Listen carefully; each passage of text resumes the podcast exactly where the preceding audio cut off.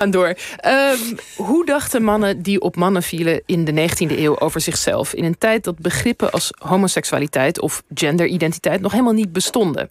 Historica Jolanda van der Lee onderzocht die vraag in haar boek In zijn ogen geen zondaar. 19e eeuwse homoseksuele en transgender personen en hun relatie met God. En Jolanda is de gast, welkom.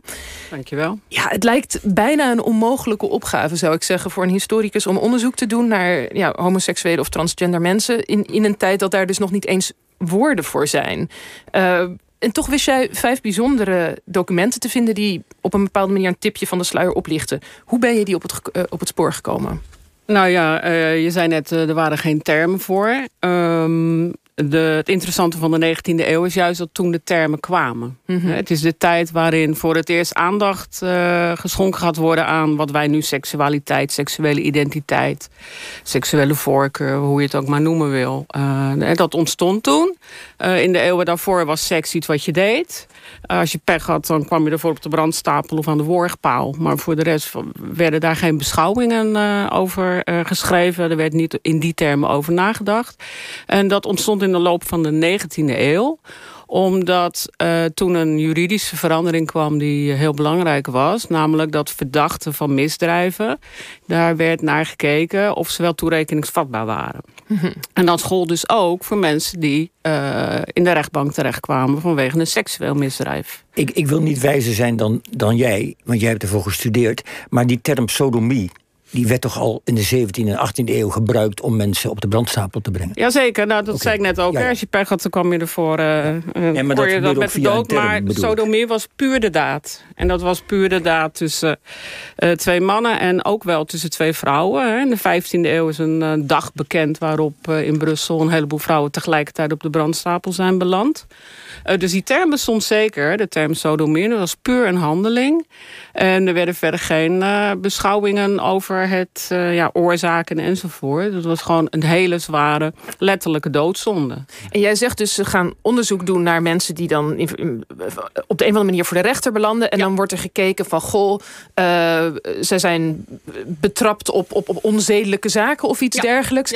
Zijn zij ontoerekeningsvatbaar? Wat, wat is nou eigenlijk de psychologische achtergrond van dat gedrag? Ja, nou, dat, dat is precies wat er onderzocht gaat worden. Van, uh, kijk, ehm, het was uh, seks tussen mensen van hetzelfde geslacht. Daar was in het algemeen, nou dat was zo'n zieke gedachte. Letterlijk volgens hè, de heersende mening toen. Uh, nou, en wat ik al zei, voor die tijd was het puur een doodzonde en uh, je het bekopen. Dat is op, een gegeven moment veranderd met juridische verzachting die we in de loop van de 19e eeuw kregen. Ehm, en toen werd gekeken van oké, we hebben, en dan was met name mannen. Um, die werden dan bekeken van... goh, maar waarom doen ze dit? Hoe komen ze daarbij? Uh, wat drijft hun daartoe? Is dat een zieke geest? Dat, mm. dat werd de vraag. Is het een zieke geest of is het puur een hele slechte daad? Nou, en um, door die onderzoeken naar uh, die zieke geest... Uh, gingen dus artsen uh, vanaf ongeveer 18... de, de eerste casusbeschrijvingen zijn er in 1869... Uh, werd er onderzocht van, goh, uh, waarom doen ze het? Uh, is het aangeboren? Of hebben ze het ergens opgelopen? Is het een besmettelijke ziekte? Of is het misschien geen ziekte, maar alleen maar slecht gedrag?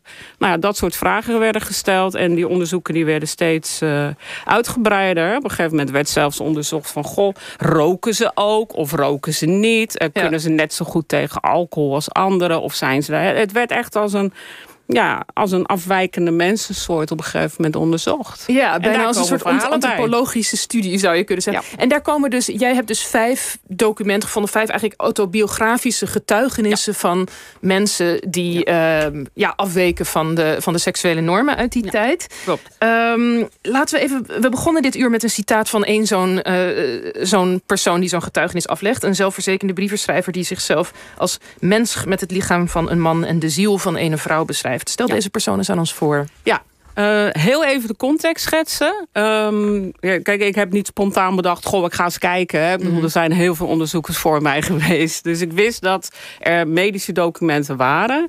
Uh, en ik heb uh, aan de hand ook van secundaire literatuur... en ook door jaargangen medische tijdschriften door te kijken... heb ik dus gekeken, wat zie je daar nou van? En er zijn dus in, in de Nederlandse samenleving... zijn er in de medische tijdschriften vijf autobiografische teksten gepubliceerd. En die vijf behandel ik in mijn boekje. Die mensen stel ik voor. En de allereerste is dus een briefschrijver uit 1870.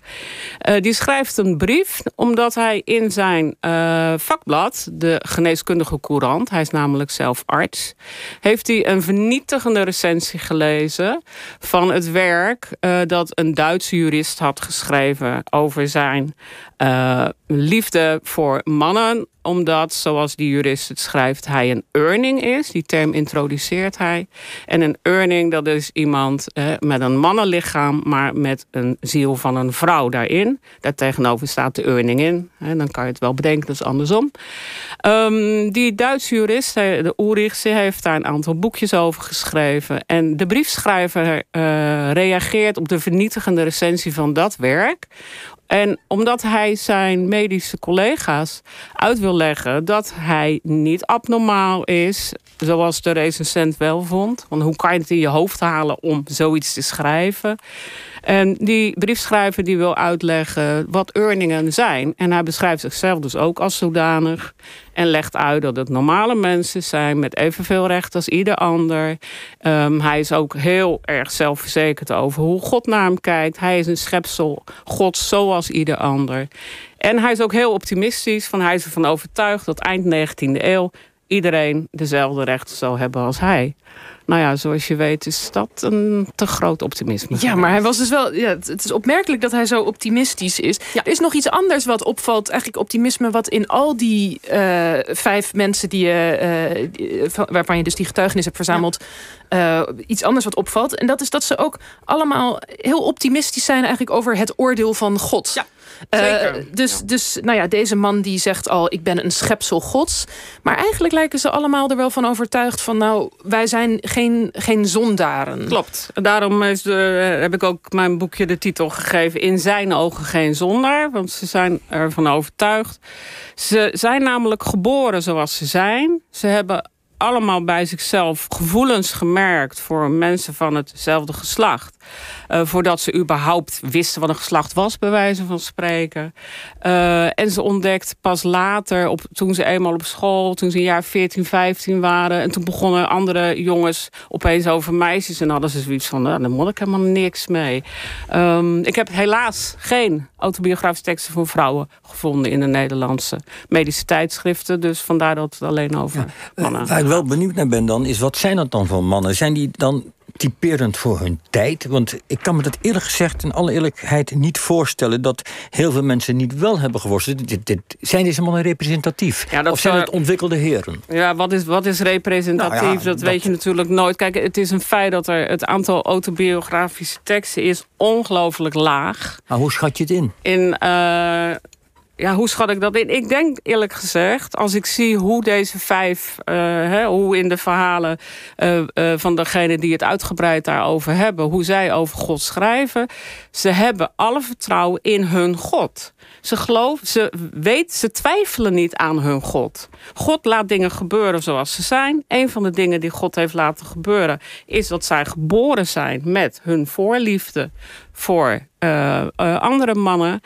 En ja, Gods wegen zijn ondoorgrondelijke. gebeuren rampen, gebeuren geweldige dingen in je leven. Waarom dit niet? dus dat geloof is onaantastbaar in die God. Dat begrijp ik. Maar het enige wat ik van je, wat ik, waar ik benieuwd naar ben, zijn dit mannen waarvan je kunt aannemen dat ze zo'n bepaalde ontwikkeling zich vrij durven te verhouden tot het dogma of niet? He, bedoel, dat, dat is de vraag die je zelf moet stellen. Als, als, ja, als huistuin en keuken uh, iemand het oordeel van de dominee ziet of de teksten over. zal daar misschien anders mee omgaan. Dus ik ben gewoon benieuwd hoe je daarover ja, denkt. Nee, maar ik denk juist omdat het was in die tijd, vergif je niet. Uh, de medici schreven erover, maar voor de rest schreef daar niemand over. Uh, heel af en toe werd er over gedebatteerd in de politiek of er nog wel of niet een, een straf moest staan op seks tussen mensen van hetzelfde geslacht. Maar dat was het enige. Er werd dus nooit over gesproken. Ook niet door je dominee. Dus, Juist dus, niet dus door je, je dominee. Dat, dat er in de kerk een probleem van gemaakt wordt, is pas van later datum. Ja, tenminste, dat, laat, laat ik het bijstellen voordat ik uh, wetenschappers over me heen krijg mijn verklaring voor het feit dat ik in al die autobiografische teksten zie dat ze juist zo, uh, ja, zo zeker zijn dat ze in zijn ogen geen zondaar zijn. Sterker nog, twee van de vijf die beschouwen het als een gunst van hun God, omdat ze daardoor tenminste niet afgeleid werden tijdens hun studie uh, door vrouwen. Kijk. Dus, he, dus ze zijn, ja, en ik denk zelf, maar goed, dat, dat weet ik dus niet. Maar dat is voor mij een verklaring. Juist omdat er niet over gesproken werd, was er ook geen dominee die het hier al over had. voordat jij überhaupt wist dat er jongens en meisjes bestonden. Was er geen pastoor die het daarover had. En ik denk dat dat dat een verklaring zou kunnen zijn. Want nadat het medisch discours, zoals dat heet, doordrong in de algemene ruimte, dankzij uh, Abraham Kuyper. Um, toen, ja, toen brak het uh, ja, dus publiek discours los. En ik denk dat het toen misging. Ja, dus je zegt eigenlijk valt het samen met op het moment als de kerk... of het nou de katholieke is of de, of de gereformeerde... echt meer grip op de gelovigen gaat krijgen en wil krijgen... en dat is pas eind 19e eeuw... dan gaat dit probleem misschien ook ontstaan. Dat zou in ieder geval een verklaring kunnen zijn. Ja.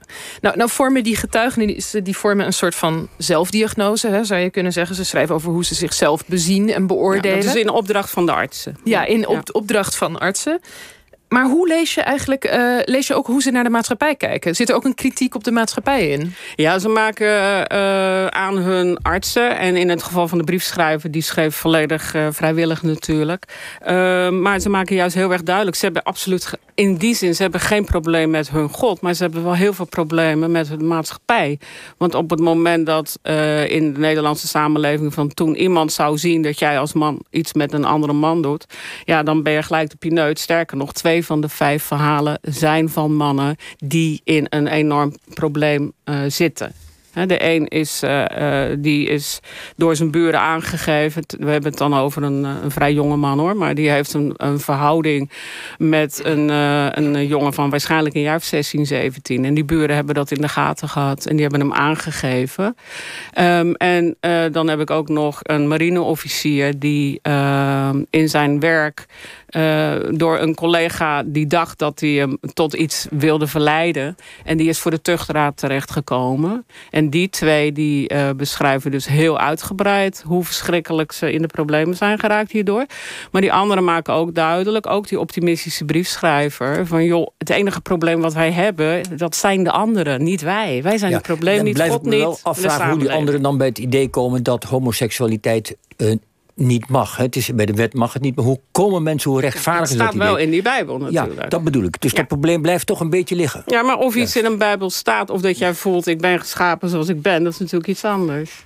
Ja. Misschien is het geloof in, de, in de goedheid van God was misschien groter dan, uh, dan in de Bijbel zelf. Dat is de verklaring. ik, hoor, ik, hoor, ik ga er niet in, we gaan er verder geen probleem van maken. Maar het lijkt me een beetje met, toch niet helemaal met elkaar te rijmen. Wat je zegt. Aan de ene kant is er een soort overheid die homoseksualiteit strafbaar stelt. Mede gebaseerd op wat in de Bijbel over sodomie staat. En aan de andere kant zeg je, is er een kerk die erover zwijgt. En, en, dus er wringt iets.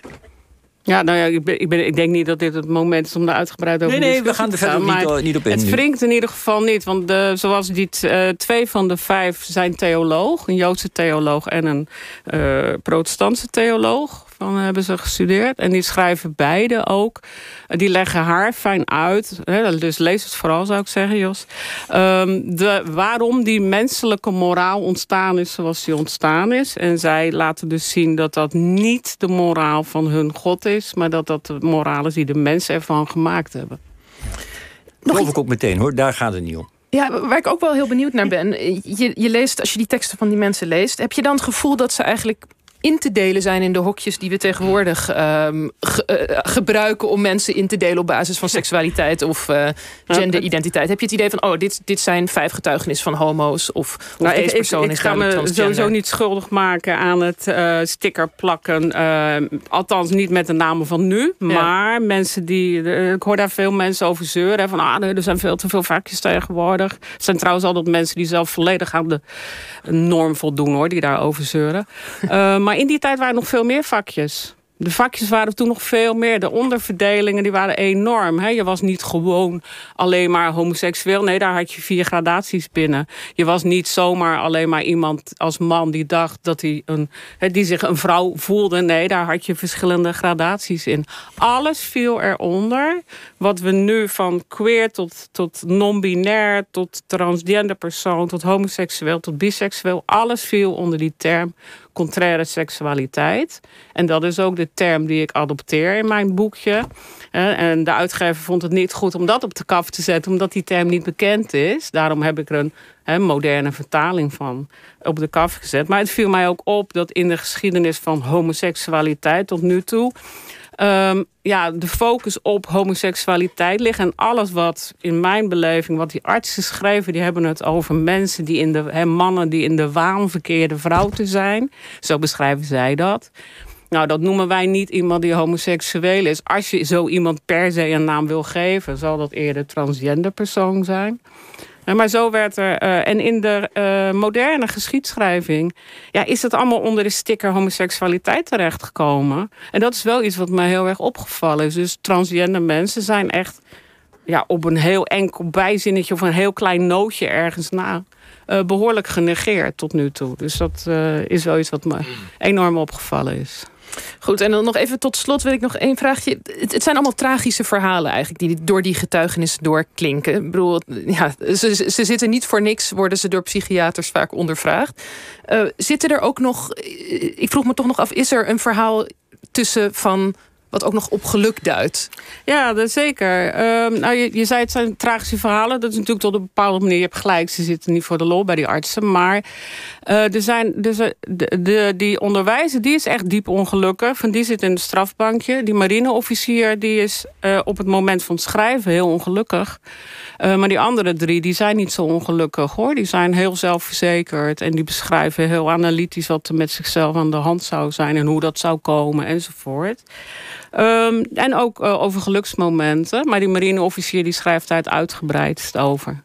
Dus... Uh, wil je dat ik daar een stukje van voorlees, zoals we eh, afgesproken hadden? Nee, ik dacht al, er was geen tijd meer. Nee. Maar dat, dat moet ik wel, dat zal ik inderdaad wel aanraden. Er zit, er zit dus ook een, een hij heeft ook een grote liefde gekend waar hij uh, heel mooi over Absoluut. Schrijft. En het zijn ook niet, voordat dat misverstand uh, gaat ontstaan, dat vind ik toch fijn om even te zeggen. Het zijn geen vijf zielige verhalen, in tegendeel. Mm -hmm. In tegendeel. Goed, dank uh, Jolanda van der Lee. Het is echt een bijzonder en fascinerend uh, boek geworden. Wat ook maar weer eens aantoont wat voor, mooi, uh, wat voor moois Noest archiefwerk kan opleveren. En het heet dus in zijn ogen geen zondaar.